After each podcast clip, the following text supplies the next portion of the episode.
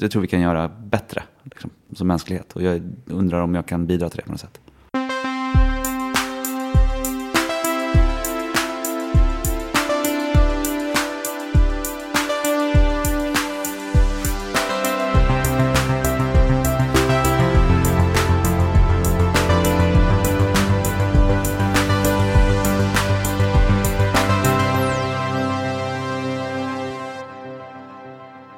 Det välkommen tillbaka till podden som heter Heja Framtiden. Eh, Jag heter Christian von Essen.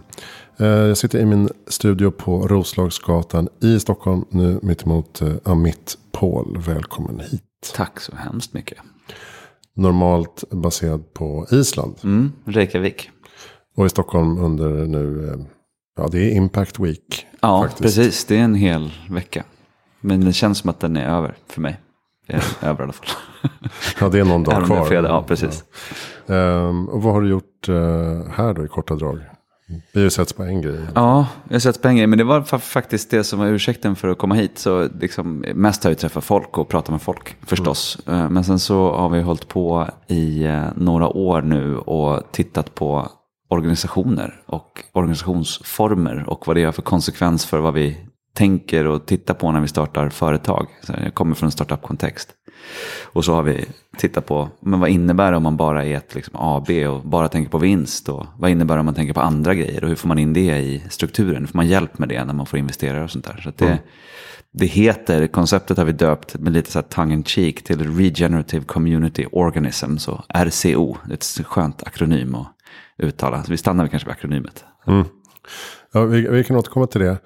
Om man ska mm, använda din fråga som är ganska jobbig. Som du använder i Mm. podden som heter eh, World of Wisdom. World of Wisdom. Precis, tillsammans med Nils von Heine. Precis. Eh, och ni driver ett bolag som heter Inner Works. Mm. Tillsammans. Eh, men du brukar fråga, vem är du? Mm. Och vad svarar du på det? Tycker jag är elakt att du ställer frågan tillbaka. Ja? Ehm, jag är... Alltså, jag är, jag är ju... Det är svårt, otroligt svårt att svara på den frågan. Ehm, jag, jag har gjort... Jag har varit min karriär väldigt mycket. Och jag brukar säga att jag har haft tre stycken. De kan jag komma tillbaka till. Men just nu så är jag nog väldigt mycket... Jag försöker vara liksom en närvarande pappa. Och jag försöker vara, liksom, lära mig att vila. För det har jag inte kunnat. Ehm, och det betyder inte liksom ligga på sofflocket för mig. Men det betyder att här, göra grejer som jag verkligen bryr mig om. Och som ger mig energi. Ehm, så så, att, så här, jag är där någonstans. Ehm, och mina tre karriärer, jag var en del av ett popband som vissa kommer ihåg som hette 18s. Så här, det slog oss att det är 25 år sedan nästa år som vi släppte Mamma Mia. Otroligt sjukt att det har gått så fort. Men då var jag 15. Liksom. Och sen här är vi runt i världen i sex år. Och sen blev jag eh, eh, handelsstudent. Och i båda de kontexterna så var jag väldigt mycket det jag gjorde. Liksom. Och sen så eh, snubblade jag in i något konsultbolag och kom på att det var, det var jag inte. Det, det var jag inte i alla fall. Eh, och sen så började jag jobba med plast och hållbar plast och ta bort långvariga kemikalier i plast. Så det är liksom det, det har hållit på med i 12 år. För att jag kom in och tänkte hur svårt kan det vara? Det var skitsvårt att göra förändring.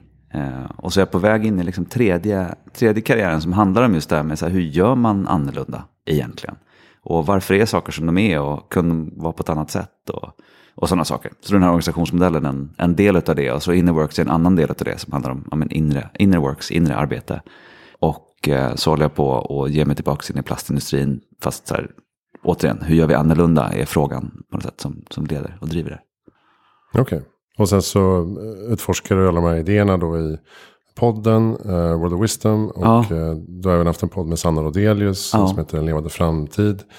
Du eh, skriver saker Ja. ibland. Det också, Och, precis. Ja, Eh, Spretigt. ja, precis. Du håller på att hitta någon slags kärna eller röd tråd i allt det här. Mm. Men ett annat sätt att svara på frågan hade varit, eh, jag är mellan jobb. Men jag märkte nu när jag var på Impact Week att folk blir så otroligt stressade över det och liksom tycker synd om en och sånt där. Och ger tips om hur man ska, ska hitta ett jobb och sånt där. Ja, just det. Och det är inte riktigt det som är, är grejen. Men jag, jag är nog på väg in i något eh, nytt. Ehm, och det blir eh, spännande. Men just här, skrivandet och poddandet och sånt är, något, det är en- liksom ett, en aspekt av sökande och liksom ganska ofokuserat och väldigt splittrat. Men eh, återigen den här riktningen. Så här, vi, det, jag tror ju att vi är en soppa. Liksom. Och vi behöver lära oss att göra annorlunda. Det, det finns liksom mer som människor, eller mindre kanske, som människor behöver vara. eh, för att, eh, ja, jag tror vi kan göra bättre liksom, eh, som, som mänsklighet. Och jag undrar om jag kan bidra till det på något sätt. Mm. Är du eh, inne och rotar i det här metamoderna synsättet och filosofin också? Mm. Eh, som Thomas Björkman och många Mm. i det gänget Mm. sysslar med. Min rörelse in i det här spacet var, tack och lov så hittade jag en, en gammal systemforskare som heter Fritjof Capra. Som jobbar med liksom levande system och systems view of life och sådana saker. Och där, det, där, så där någonstans ifrån så kommer jag in, så, så komplexitet och, och komplexitetsteori. Och sen så har jag snubblat in i det metamoderna eh, genom Ekskäret och, och liksom det som förut var Mindshift hette det. Och som nu har liksom tagit form som IDGR, Inner Development Goals. Men jag, är- jag märker att jag är nog, jag, jag tror inte att metamodernism räcker. Liksom. Jag tror att vi är på väg ut i något ännu jobbigare. Så, så just, jag tror inte att vi vet än, eller kan se vad som kommer. Eh, Men jag är väldigt upptagen med att bygga liksom, broar ut i dimman. Har jag använt som någon form av bild av vad jag håller på med. Liksom. Ja, för där, där, i- den rörelsen pratar man mycket om det, den personliga utvecklingen. Ja. så att säga. Och du är kanske mer intresserad av den organisatoriska utvecklingen då? Både och, tror jag. Jag tror att de där sitter ihop. Och jag tror att det handlar om att liksom få ihop dem där på något sätt. Det finns en fantastisk, eh, hon har liksom urbefolkningsrötter men har varit forskare i liksom västerländska institutioner under, under många, många år. Som heter Vanessa Andreotti, eller jag tror hon heter Ma- Macheta de Oliveira i hennes liksom, namn som hon går under nu. Som jobbar med mycket så här, liksom postkolonial, typ som handelssnubbe. Så är det, så här, provocerande att titta på andra discipliner. Så. Inte något som försöker vara liksom, fys fysik, men som är samhällsvetenskap. Utan som är samhällsvetenskap på riktigt. Så. Men hon pratar just om att moderniteten håller på att dö. Och att det finns något annat liksom, bakom. Och då tror jag att det handlar om att vi liksom, den här, vi är inte separat, vi är vår natur och så här, vi är varandra. Alltså den typen av perspektiv är otroligt levande för mig och det handlar om att så här, linjera det kanske med, så det är både och. Liksom. Struktur hjälper oss att göra något och vi gör något för att vi är vissa strukturer. Och liksom, det där händer samtidigt, liksom. det, det går åt båda hållen. Så man måste hålla det samtidigt.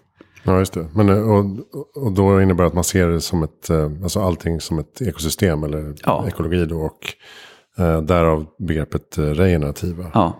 Precis, livsbejakande eller livsfokuserat eller livscentrerat. Liksom. Är det så det du jag lägger i Det är det jag begreppet? lägger i begreppet regenerativ. För jag tycker också att det finns ett eh, skifte. Jag är intresserad av liksom språk och begrepp. Och eh, hur man gått från så här, företagens eh, samhällsansvar, CSR, och så som en liten perifer syssla. Och sen eh, hållbarhet som, som ett paraplybegrepp. Och sen går man kanske in mot mer att prata om det regenerativa. Att faktiskt inte bara minimera skada utan faktiskt eh, ge tillbaka. Och eh, skapa. Man eh, ger mer, ger mer än vad man tar så att säga. Ja, men skapa och låta dö. Faktiskt också. Och det är också centralt i den här organisationsmodellen. Men från min, mina 12 år i, liksom, i plastbranschen. Ett, vi har jobbat väldigt internationellt med de största liksom, bolagen i världen kring, kring liksom, material och syntetiska materialutveckling. Eh, och det som man ser är att här, man, vi är väldigt duktiga på att hitta på nytt. Liksom. Så rent, jag, som jag ser det så är liksom rent tekniskt sett så, är liksom den här hållbarhetskrisen, det är typ löst. Men vi använder inte det som vi gör. Utan det finns en sån här, egentligen kommer det från energi, men det finns en, en uh, Jevons paradox, är en sån här begrepp som är. Men det är i princip att så här, ja, vi blir mer energieffektiva, men all den här energieffektiviteten gör vi nya grejer med. Så att det är ändå så att vi alltid konsumerar mer energi, liksom, ju mer det blir. Och det där stämmer lite inom material också. Så här, ja, vi uppfinner otroligt mycket fantastiska grejer liksom, som vi skulle kunna använda, men det gör vi inte. Och så fort det kommer lagstiftning som, man, som många ropar efter, då, som vi sett, vi har jobbat i, i flamskydd, då allt som används på stor skala är undantaget. Så liksom, det finns ingen drivkraft för att byta ut så. Utan det nya som kommer som är jättebra, eller ja, mer eller mindre bra kan man säga, men som, som skulle kunna vara jättebra, det kommer bara på marginalen. Liksom. Så det, vi är duktiga på att innovera och dåliga på att transformera, liksom, ganska genomgående. Och det där tycker jag är spännande. Alltså också att eh, demokratisera på något sätt. Alltså få ut saker till bred eh, implementering. Ja, Det tycker jag när man är inne i framtidsbranschen. att säga, Så ser man ju allt. eh, För många futurister är ju ganska frustrerade över att det inte går fortare. Ja. Som vi skulle kunna lösa allting. Och så här. Men bara för att en innovation existerar behöver inte betyda att den exakt. finns på marknaden för alla. Ja. Och det finns en tröghet i det där som ibland kanske är nödvändig. Men Mm. som kan vara jobbig att eh, le- leva med också. Om man vill gå fortare fram. Men och, tittar man på de här systemgänget som jag hänger lite med och pratar med en, en svensk kille som du faktiskt kanske skulle prata med som heter John Andersson. Eh, som numera jobbar på RISE. Han eh, föreslår att så här, incitamentstrukturerna är just för innovation. Så någonstans runt 80-talet, Limits to Growth-studien kom 70 och då liksom vaknade så här, hållbarhetsfältet i princip. Och sen så höll man på och schackra med det där i tio år och undrade vad fast man skulle göra för någonting. Och sen så vid 80-talet någonstans, så, han kommer säkert berätta det mycket bättre än vad jag gör om man liksom kommer hit, men 80-talet någonstans, då bestämde man sig att innovation är svaret. Det är det som är lösningen. Här, om vi bara bygger nya tekniska grejer så kommer det accepteras. Liksom. Det, kommer, det kommer göra skillnad. Så det är det vi har liksom gjort, skattesystem, att så här, Cervenka och liksom, Agir i Sverige och alla, alla de där grejerna som, kommer, som har kommit nu, nya historierna. Så här, men det funkar inte, det är, liksom, det är inte som det ser ut. Historien stämmer inte ihop med som det är. Så. Ehm, det, det är en del av, liksom, att så här, men om vi bara ger folk frihet så kommer det lösa sig. Så och det har inte funkat så. Och det som förlorade, det som var liksom Betamax i den här VHS Betamax-striden om vad som skulle bli näst, vad som skulle stå på agendan, det var transformation. Så antingen skulle, så tittar man på system om innovation eller system av transformation. Men transformation var för stökigt. Man kunde liksom inte mäta det på ett tydligt sätt, vi kunde inte dra raka linjer, vi såg inte liksom tydliga orsakssamband. Så att man la det åt sidan och så fokuserade fokuserar man på innovation som är liksom ganska enkelt att mäta och titta på. Liksom. Och, och så här, inte bara därför, men en anledning till att vi ser ut som det ser ut idag är, är det. Och vi kan väl hoppa in i det som ni håller på att bygga där, eh, RCO. Mm. Ni har skapat en hemsida som heter rco.life. Mm. Och det är egentligen någon slags eh, blandning mellan eh, stiftelse eller ideell organisation Mm. och eh, bolagisering. Mm. Och jag vet att du tog upp Hans Hassle, han skrev en bok som eh, handlar om componization Mm. för tio år sedan kanske. Mm. Och ah, hans perspektiv kommer från urbefolkningen i Mm. eh, USA. Är det liksom att använda de tillgängliga verktygen som finns för att bygga en liksom ny struktur som kan vara mer Mm. hållbar och regenerativ i näringslivet? Precis. Mm. Det, för det, det, det är en sån här sak som jag lägger i det här begreppet, så här, broar ut i dimman. Liksom att någonstans så måste vi jobba med den verklighet och materialitet som finns. Så. Men det som vi upptäckte under det här arbetet var ju att det mesta som är definierat är ju inte... Def, det, om man tittar på lagstiftning och sånt, och speciellt bolagslagstiftning och liksom så här, skattelagstiftning kanske inte så, men bolagslagstiftning primärt så är det ju otroligt väl definierat vad man inte får göra. Så. Och sen så har vi vant oss att göra saker på ett visst sätt. Men det är väldigt mycket där som man får göra. Så. Alltså det finns, om, man, om man orkar titta på det som inte är reglerat så, så finns det handlingsutrymme som är mycket, mycket större än vad, man, vad jag fick lära mig i skolan till exempel. Så, så det, det är ju en, ehm, en del utav det. Men det är precis som du säger, det är egentligen en form av syftesdrivet företagande. Det drar ju mycket inspiration från, Hans Hassla har ju varit väldigt här, konkret inspiration i termer av hur, vilka juridiska personer vi har använt och sånt där i slutändan. Men, men tankegodset kommer ju, finns ju även i så här B-Corp, B-Labs, liksom. Man pratar om triple bottom line accounting, vi ska inte bara göra vinst, vi ska göra annat. Och även sådana här stakeholder governance eller, eller liksom eh, stewardship owned companies. Och den typen av tankegods har vi också tagit del av under det här utforskandet. Liksom. Så, så hur skulle det kunna se ut rent praktiskt om jag vill starta ett bolag inom, inom industri eller Mm. vad som helst. Då är det alltså två olika ent- entiteter som smälter samman i eh, en, en del av kakan Mm. på mitten. Mm. Men att den ideella, säger man ideella organisationen? Ja. Ideell har, förening har hälften av rösterna så att säga. Ja, men så här, vi, I AB. Vi tror att det är tre delar som är jätteviktiga. Så, här. så det första som vi föreslår är att så här, vi, när vi startar någonting så får vi sätta oss ner och fundera ordentligt för varför vi startar det här. Så, så här, vad är vårt syfte, vad är det vi liksom rör oss mot? Och sen så föreslår vi också att så här, man, man bör fundera på vilka principer är det som vi vill driva det här efter. Liksom, vi har jobbat i den organisationen som vi driver nu eller startar upp nu. Den, då har vi nyfikenhet, utforskande och eh, skapande som, som principer. Så, här. så, så de vill vi titta på. Som, så, så, fort vi fattar beslut eller rör oss någonstans och det blir en större grej och vi rör oss utanför det vi är vana vid att göra, då, då, då är det det vi vill orientera oss mot. Liksom. Eh, så, så, vi har en, en, konstitution eller ett manifest eller någonting som vi liksom tar avstamp mot och siktar mot. Så här, vi kallar det för source code. Vi kallar det för source code eller mm. källkod. Så. Och sen så säger man utifrån det då, som, som vi har där, då skapar vi två organisationer. Och det är också en sån här, vi pratar ju om en organism så, och tänker att den, det finns, finns ett liv. När vi kommer ihop så blir vi något annat än vad vi är som individer. Liksom.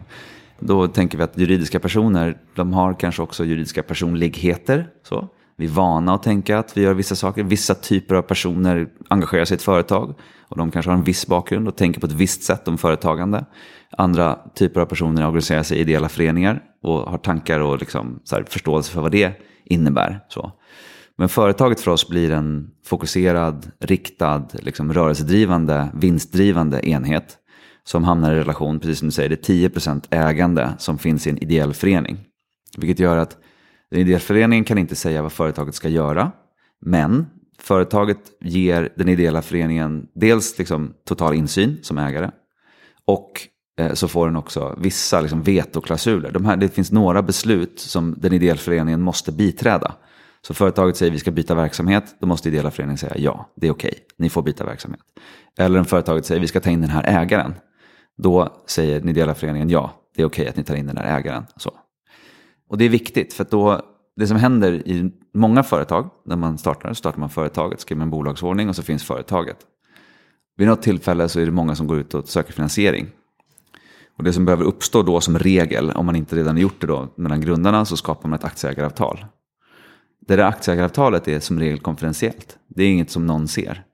Och tittar man på aktieägaravtal för liksom VC-byråer eller ängelinvesterare eller så här, det, det, det, kan vara otroligt liksom bökiga konsekvenser, personliga konsekvenser för ägarna. Så, så det, blir, det är det, oftast det dokumentet som riktar ägarna sen mot en finansiell verklighet. Att man bara fokuserar på det här vinstbegreppet. Mm. Eh, det är en konsekvens av hur aktieägarna tänker eh, som regel. Så det vi gör är att eftersom föreningen också är ägare så blir det ett insyn i det där dokumentet. Och det är väl det som Hans har lärt oss också, liksom att aktieägaravtalet är överordnat bolagsordningen. Först och främst måste jag som individ, som ägare och som, som grundare av bolaget fokusera på vad som står i aktieägaravtalet. Sen kan jag titta på allt fint som står i bolagsordningen. Liksom. Men har jag inte med båda de där dokumenten i transparensen så är det inte värt så mycket. Liksom. Så det är ett stort avsteg från till exempel då, de här B Corp. Eh, grejerna. Och sen så det tredje som vi föreslår egentligen som är, som är vår egen idé. Det är att skapa mekanismer för ett bolag att utvecklas. Så vi säger att liksom, det som vi föreslår att man gör när man skriver sin, sin source code och när man gör utfästelsen mot föreningen, det är att man också tittar på hur mycket tillväxt tror vi att vi ska göra här.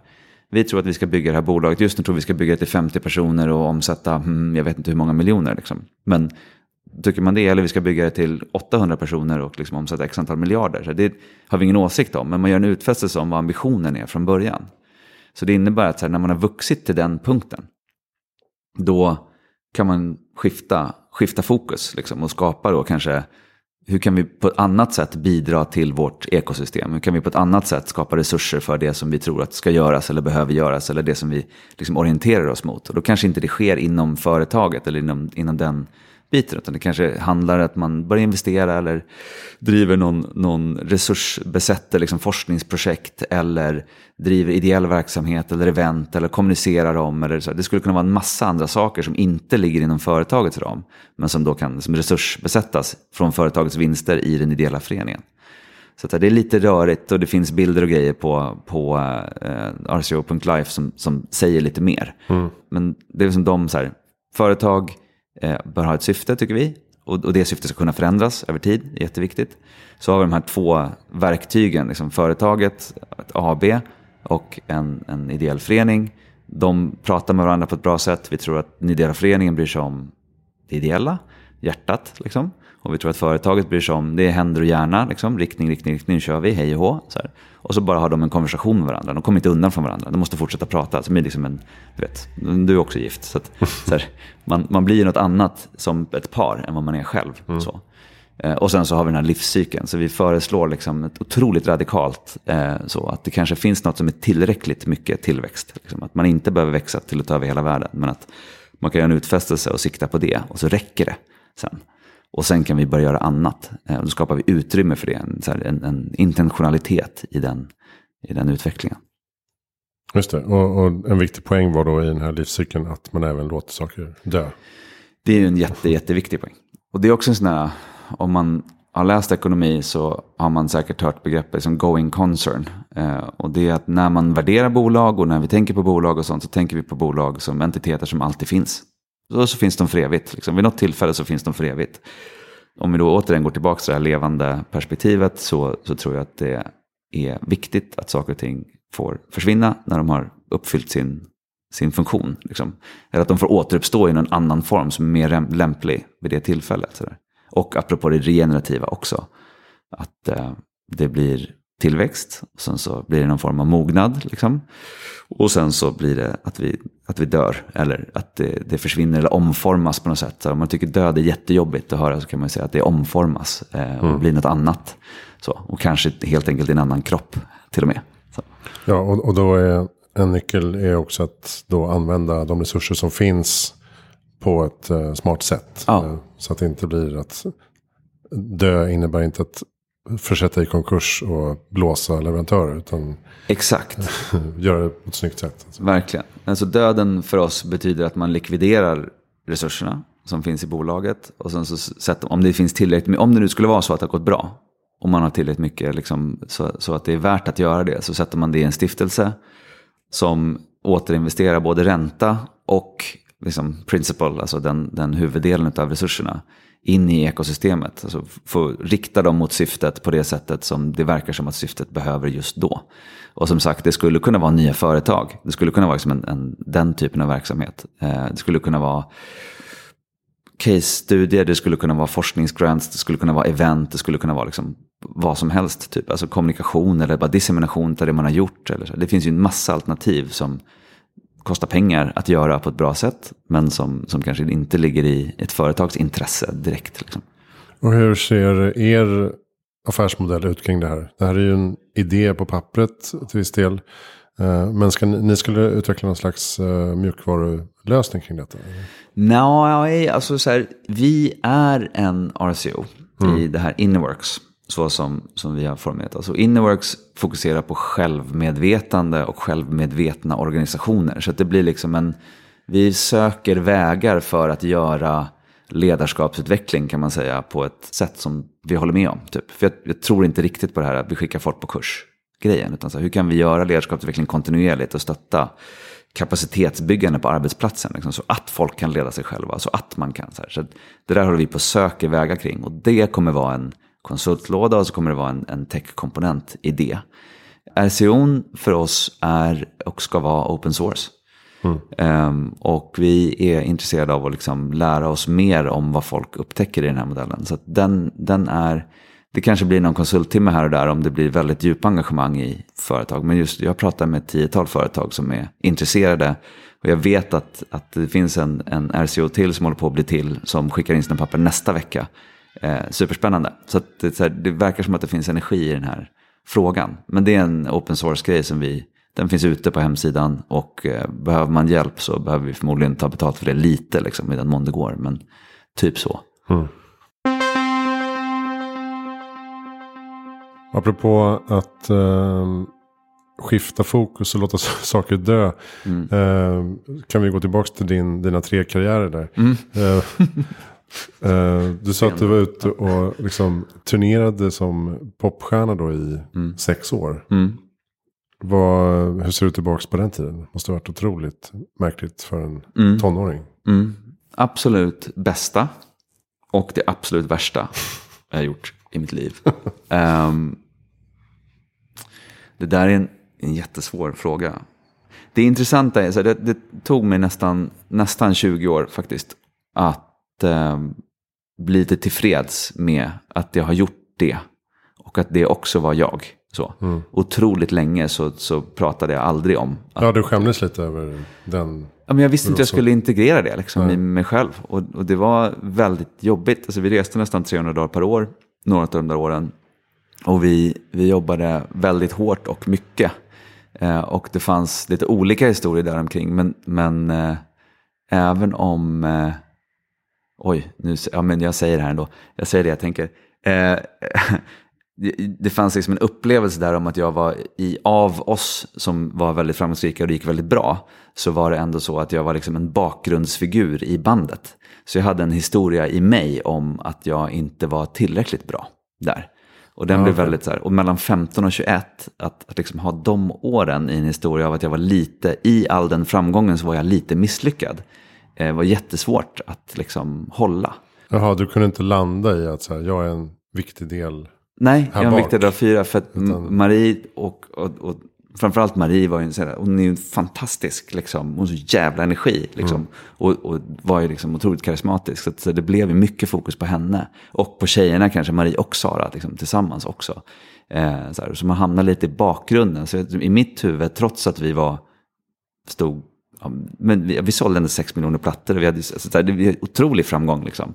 Så kände jag att så här, ja, men jag, var, jag var bara delvis del av det. Och var, det, var, det fanns ett misslyckande i mig i det, som var en historia. Liksom, som jag inte... Du var utbytbar på något sätt.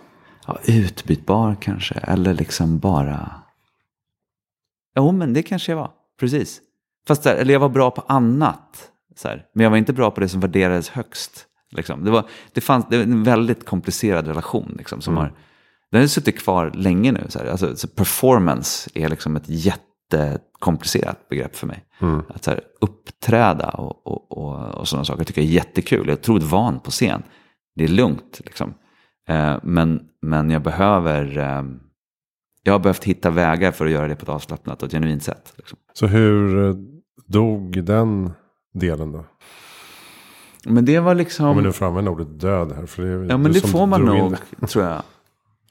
Det är en spännande fråga att tänka. Men det, det var väl delvis liksom, vi var klara med våra, med våra kontrakt.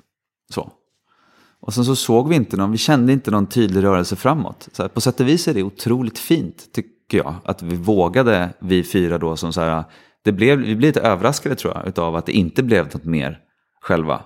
Så, för vi sa vi tar en paus och sen så sa vi inte så mycket mer. Liksom. Men, men jag tror att det blev väldigt, eh, det var skönt tänker jag, att våga släppa också. Så här, och inte hålla krampaktigt fast i någonting som, som var väldigt mycket framgång. Så det var skönt för mig att hamna tillbaka i verkligheten, liksom, hamna tillbaka i, i något annat. Och jag vet att de åren och det som jag gjorde på Handels var ju jättedrivet av att jag ville höra till. Eh, för jag kände att jag inte hade fått höra till, så jag fick höra till eh, liksom, och, och vara vanlig. Det var otroligt viktigt liksom, efter, eh, efter den här resan. Och, och sen gav du in då i familjeföretaget. Ja. Och det, ja, det, det, det, är en hel historia det i sig. Um, men väldigt, väldigt spännande. Och där var det ju, där, där, det kom ju från rörelsen att vilja göra skillnad. Så. Och där man liksom, utifrån någon form av teknisk eller liksom, vad ska man säga, så sakorienterad förståelse av världen var så här, objektivt sett så är det här mycket bättre. Eh, och vi löser ett problem. Jag vet inte om du har hört de här eh, Daniel Schmachtenberger som nu hänger mycket på Impact Week.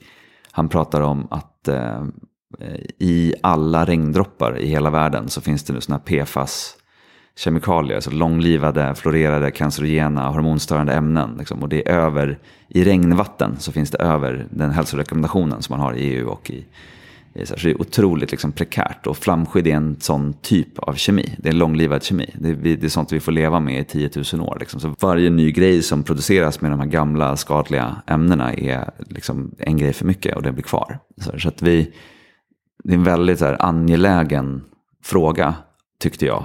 Och så tänkte jag så här, hur svårt kan det vara? Liksom, apropå så här, heja framtiden. Liksom, att det måste gå att göra, det här är ju så uppenbart, så det måste vi kunna ta i. Och ändå är det så svårt. Liksom, så att jag, ehm, det har varit en otrolig resa om hur saker och ting verkar funka. Liksom, och vad det är som driver och vad som inte driver och vad som är viktigt. Men hur, hur långt har du lyckats eh, dra det då? Vi hade lyckats dra det så tillvida. Så vi, det tog sex år att hitta en ordentlig paketering på produkten. Eh, och sen så, så 2017, 18 någonstans så har vi nya patent ifrån. Eh, och de har vi nu ute på, på marknaden. Så att, och i och med att vi skiftar över till elbilar så har man gjort om standarderna för flamskydd. Och där passar vårt material otroligt bra. Så att om, om det blir som det ska nu så, eh, så är vi liksom, ja, då kan det bli så där bra som jag trodde att det skulle bli för ja, tio år sedan. Så. Men, är du, men är du fortfarande engagerad i bolaget? Mm, absolut. Mm. Jag är fortfarande vd för bolaget och, okay. och vi driver det. Men vi har också gjort en, en förändring. Det är ett familjebolag, så pappa som är liksom hjärnan bakom bolaget han, han börjar bli lite äldre och orkar inte liksom hålla igång på samma sätt. Så att han är ute och föreläser och liksom berättar om allt det arbete som vi har gjort. Eh, och sen så har vi, eh, men vi har sålt av produktionsanläggningar, vi har sålt av labb och sånt där. Så det, det har vi inte i egen regi längre, utan vi jobbar i liksom ett nätverk typ för. Så, och det passar oss ganska bra med en mindre kostnadskostym. Men också en, alltså, vi jobbar på en internationell marknad. Så att ha producenter och försäljningskanaler nära kunderna är liksom rätt. Mm. Så, så att vi, jag är, men en halvtid kanske eller så lägger jag på det. Och det, men det är ganska många personer som är involverade. Även om det, är, det är litet men stort på något mm. sätt. Liksom. Just det, jag hade här Sandra Stina Westerlund, avsnitt 453. Som eh, jobbade på, blev vd på ett företag som heter Doxa Plastics. Mm. för några år sedan. Eh, vi pratade lite om, om plastvärldens mm. utveckling. Och, mm. um, och med att det händer ganska mycket egentligen. Mm. Mot omställning och hållbarhet. Mm. Verkligen. Ser du det också? Ja, absolut. Alltså ju... man, man vill i alla fall. Och försöker. Jo, men man försöker och så sitter man också fast i strukturer och liksom en viss, viss logik. Apropå det här med att man inte, det är svårt att byta ut grejer. Ehm, det som verkligen flyttar plastindustrin nu det är ju att man har insett att man kommer få ett råmaterialproblem. Mm. Om jag för tio år sedan hade sagt att ett kemikaliebolag skulle investera i till exempel återvinning. Det, man, det hade aldrig funderats på överhuvudtaget. Det fanns inte en chans, fanns inte på kartan på något sätt. Medan nu så är det vi ser att det finns tre typer av kolkällor. Alltså plast, det är också en sån här grej som man kan vara bra att förstå. Alltså plast är ju polymerkemi, men det är också som regel organisk kemi. Så, så det är kol och väte som är grundbyggstenarna. Och det är ganska bra. Eh, så så att bygger vi det på det på ett smart sätt så finns det jättemycket hållbart som vi kan göra. Så, att, så plast i sig självt är inget dåligt skulle jag säga. Utan det kommer vara en del av lösningen. Men vi måste göra det på ett klokt sätt. Så. Men, men så det man det man kom på är att så här, men vi kan hitta, var kan vi hitta kol och väte någonstans? Jo, men om vi inte får ta då, liksom, som, som så här, uråldrigt solljus som är olja i mm. princip. Eh, och vi kanske inte kan ta hur mycket som helst av gammalt solljus som skulle vara liksom träd och skog och, och sådana saker. Så, så behöver vi tänka på olika saker. Så 20% tror man ungefär kommer komma från växter i princip. 20% ungefär kommer komma ifrån atmosfären. Att vi kan plocka koldioxid ur atmosfären och göra plast av det. Eh, och resten väntar man sig kommer från liksom teknosfären, alltså det som är återvinning på ett eller annat sätt. Och då är det både så kallad mekanisk återvinning, vi bara mal ner och smälter nytt och gör nytt. Eller kemisk återvinning. Så att en av de största bolagen i, Sverige, i, eh, i världen nu har just investerat i 600 000 ton kapacitet för återvinning. Mm. Så. Det är helt otänkbart. Alltså det var otänkbart för tre år sedan. Skulle jag säga. Mm. Så det, det sker verkligen någonting. Och sen är det massa teknikaliteter med de där grejerna som det alltid är. Så man måste läsa det finstilta och det kommer folk somna om vi pratar om nu. Men, men eh, det finns eh, hopp och det händer saker. Och det vi har hört mycket under, under veckan, bland annat med Daniel eh, Schmachtenberger som husfilosofen som ja. här. Och pratat väldigt mycket. Uh, vi pratar mycket om metacrisis. Mm. Att vi är inne i en väldigt uh, tuff period framåt. Mm. Med klimat och ekonomi och krig och ja, postpandemi och allt ja, möjligt. Och kanske nya pandemier och ja. biologiska hot. Ja, frid, och... Man kanske inte ska säga postpandemi, kanske ska säga prepandemi. Ja, precis, exakt. Samtidigt som alla de här jättestora branscherna och systemen behöver ställa om och håller mm. på att ställa om energi och transport och mat och eh, industri. Ser du också det att eh, är vi liksom inne i en, kommer vi gå in nu i några, en jobbig period där allting måste liksom ställas på ända på något sätt för att man ska komma ut på andra sidan? Mm. Och eh, är det möjligt? Jättebra Är fråga. det möjligt? Ja, precis. Den är ju, eh, men, ehm, men det är lite så här, han- Daniel Schmachtenberg fick frågan om han hade hopp och då sa han så här, men det är möjligt, jag måste tro att det är möjligt för att det måste vara möjligt. Typ så. så att, Och jag är lite där också. Eh, på något sätt. Men, mm, och, och där tycker jag, apropå de här metamoderna, eh, liksom den strömningen som, som du nämnde tidigare, där, där har man ju verkligen en, en poäng i att jag tror att det handlar om att man, om man tänker, det, det är lite så här visa-reklamen. Så här, för, för allt som du behöver betala för finns Visa, men, men det som verkligen spelar roll, så här, relationen eller kärleken, det är priceless. Liksom. Och det, är, det är cyniskt, men det finns någonting i att kan vi börja inse det? Och inse att så här, mycket av det där som sker där ute och som, som vi tror att vi skapar vår identitet ifrån, som vi behöver köpa eller som konsumerar någonting, liksom, det, det kanske inte är kärnan i det vi försöker uppnå egentligen. Så där. Då tror jag att det finns eh, hopp, men eh, det är ju en enorm omställning. Och jag gillar den här, det är det som är så svårt. För, för jag sitter och, vi sitter och pratar om de här sakerna. Och så tänker man att så här, men det måste, det måste finnas för att det måste finnas för att det måste finnas. Liksom, för att vi, apropå det här med död också, det är svårt att tänka att man inte ska finnas. Eh, så, för det är inte byggda för det riktigt. Eller det kanske blir andra grejer som kommer upp då, som sorg eller att man liksom blir, blir paralyserad eller jätterädd. Eller så här, en massa andra liksom, känslor som dyker upp. Men, men tankar kanske inte är så mycket som, det är inte rätt forum för det där. Men jag tänker att ehm, det kommer bli väldigt stökigt. Och jag tror att man får fokusera på eh, hemmet och fokusera på, på eh, en annan del av de här metamoderna är ju att när man har varit identifierad av sin kontext, så, när man har varit liksom, med sina kompisar och man tänker att det är bara de, bara, om de bara ser mig i mina märkeskläder, det är det som gör mig så här. Så, så helt plötsligt så dyker det upp andra möjligheter. Eh, och det, det kallas för liksom self-authoring, att man kan själv författa sin historia. Att man kan få berätta en historia om vad som är meningsfullt och vad som är viktigt och vad man längtar efter. Så här. Eh, och, och för min del då så tänker jag så jag, ska, jag, jag längtar efter att resa så lite jag bara kan. Så, jag vill vara på, på ön på Island. Liksom. Eh, jag längtar efter att vara så mycket jag kan med mina barn. Liksom. Eh, och och så här, att, att, att definiera det som framgång tror jag är en liksom lika viktig del av den här omställningen som att eh, göra det vi gör med organisationsmodellen eller det som jag tänker att jag ska göra med liksom materialomställning, att hjälpa till med materialomställning liksom, på ett eller annat sätt. Så att det, jag tror att det finns i stort och litet. Eh, och det, det finns en, en annan så här bild av att så här, jag tror att vi i västvärlden just nu står i en flod av skit. Så, som rår ungefär kanske upp till vaderna i princip. Så. Eh, och poängen är att här, just nu så vi kan inte göra så himla mycket annat än att faktiskt vänta på att den där kommer upp till, till, eh, till rumpan. Liksom. Vi kommer inte kunna simma förrän den går till midjan. Men eh, det är svårt att simma i en flod av skit. Så att det kan vara bra att öva sig. Liksom. Um, och jag tror att vi behöver faktiskt öva på och bygga liksom, kapacitet för det som kommer. Eh, och vi kan, men samtidigt kan vi inte göra något innan vi vet vad vi ska göra. Och vi kommer inte veta vad vi ska göra förrän liksom, det är här. Så det är så här, inte vänta, inte sätta sig i ett hörn och inte göra någonting. Men så här, var uppmärksam och så här, se dig omkring och gör det du kan. Liksom. Mm. Man pratar mycket om anpassningsförmåga. Ja, exakt. Eh, Men då, då låter det som att du skriver under på den eh, rörelsen, man ska säga, mindshift, metamoderna Ja. Rörelsen. Att, att det viktigaste vi kan göra är att lyfta fler människor till en högre form av utveckling på något sätt. Oh, farligt språk. Men ja, visst. farligt språk. Ja, Nej, men eh, att, att eh, förbereda för eh, ett, en värld som är mer komplex, då, om man ska använda det begreppet. det, ja, tack. Ja. Att risken är annars att man hemfaller åt polarisering och eh, svartvitt Ja. eh, tänkande. Och följer efter en ledare som pekar med hela handen och säger att det är deras fel. Eh, följ med mig. Ja.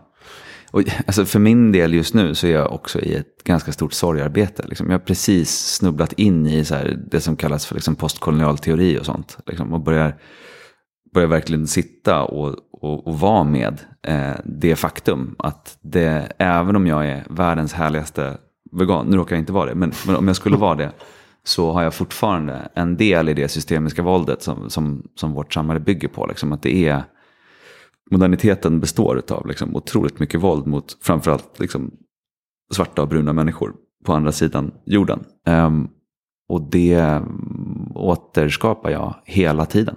uh, så fort jag lever, så länge jag lever. Och det gör jävligt ont att sitta med det.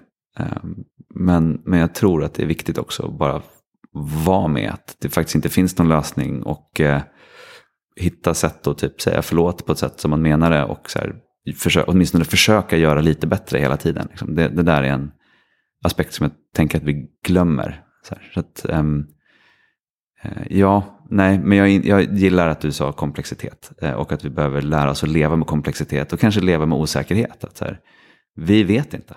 Och jag gör så bra jag kan och jag vet att det är fel. Men det är fel oavsett hur jag gör. Så det är liksom lika bra att göra någonting. typ. Och så får man se vad som händer. Och när jag vet att det blir jättefel och folk får ont. Liksom, då får jag säga förlåt. Och så får jag försöka igen. Och så får man försöka igen. Men inte vara fast i det man alltid har gjort. Liksom. Vanor är farligt, tänker jag. Mm, våga ändra uppfattning också. Mm. Det känns otroligt viktigt. jag brukar fråga, vad är ditt bästa tips för att göra världen bättre i framtiden? Men jag tror att eh, om vi vågar titta på, titta på det som inte känns skönt, helt enkelt, i vår omgivning.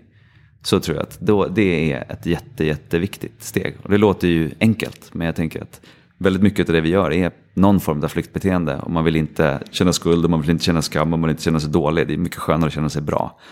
Liksom. Men att vara med det som inte gick bra och, och vara stolt över det som inte gick bra och det som inte blev som man tänkte sig eh, och lära från det. Liksom, det tror jag är en, eh, det absolut bästa och närmaste man kan göra.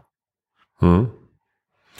Uh, apropå då framgång och så att man inte känner att man är misslyckad och uh, bär det med sig utan skaka av sig, eh, uh, se vad var det som gick fel. Ja, men att vara lite med det bara. Att, mm. så här, det finns ju den här Otto Scharmer som numera finns på Theory U som jag vet att Maria Wahlberg pratade om. Och så här. Men så mm. det, eh, där, där, finns det liksom en, en att, att verkligen vara med det som inte gick som man ville eller det som gjorde ont eller det man kände. Så här. Oftast så, hur flummigt det än låter för vår liksom rationella, här, utan plan att vara med någonting. Eh, så av någon anledning så blir det uppenbart vad man ska göra härnäst. Liksom. Eh, och det har ju att göra med typ flow och sådana saker. Så om man spelar fotboll så, så tänker jag så här, då vet man ju precis det där. Så du kan ju inte planera hur du ska springa hela matchen. Liksom. Det är ju helt omöjligt. Men du, har liksom en, du vet ungefär, du vet ungefär vad du är bra på. Och helt plötsligt och så söker du, söker du mot det där målet hela tiden. Så liksom så här, horisonten och sen så de närmaste grynnorna. Liksom. Så sluta klättra berg tänker jag kanske. Sikta inte mot någon topp, liksom, utan sikta mot en horisont. Och sen så till, se till att segelbåten rör sig framåt liksom, utan, utan att hitta, ta grund liksom, i nästa steg.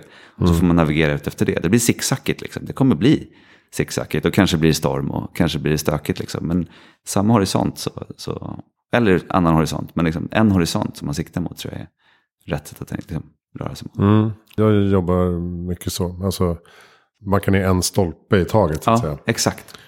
Kan man göra det här? Ja, jag testar. Ja. Alltså, ja, ja, det gick ju bra. Ja.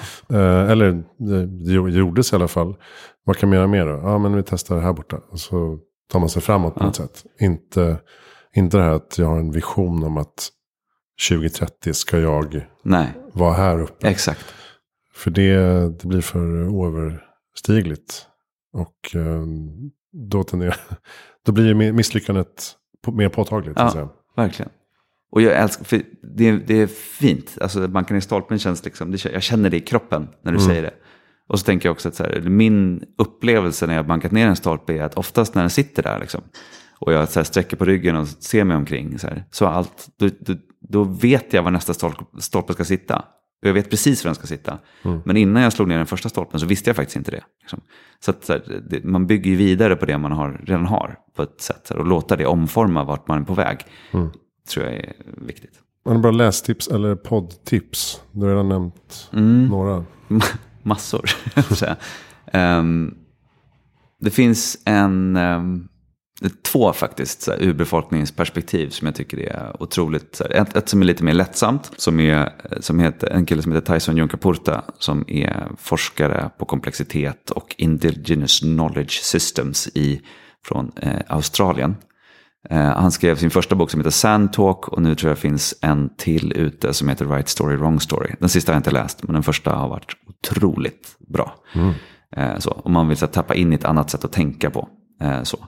Och sen en otroligt jobbig bok att läsa eh, som är av den här Vanessa Macato de Oliveira, tror jag att hon heter då, som författare på det här, eh, Hospicing Modernity. Eh, och den är, hon skriver typ eh, en, en lång harang i början om att så här, läs inte den här boken om du inte är liksom redo för det och sånt där. Eh, och det har jag hört förut, jag vet att ja, ja, ja. Eh, men jag är liksom 75% igenom den och det är otroligt jobbigt läsning. Eh, och eh, så här, apropå det här med postkolonial teori och liksom bära sin skuld och sådana saker.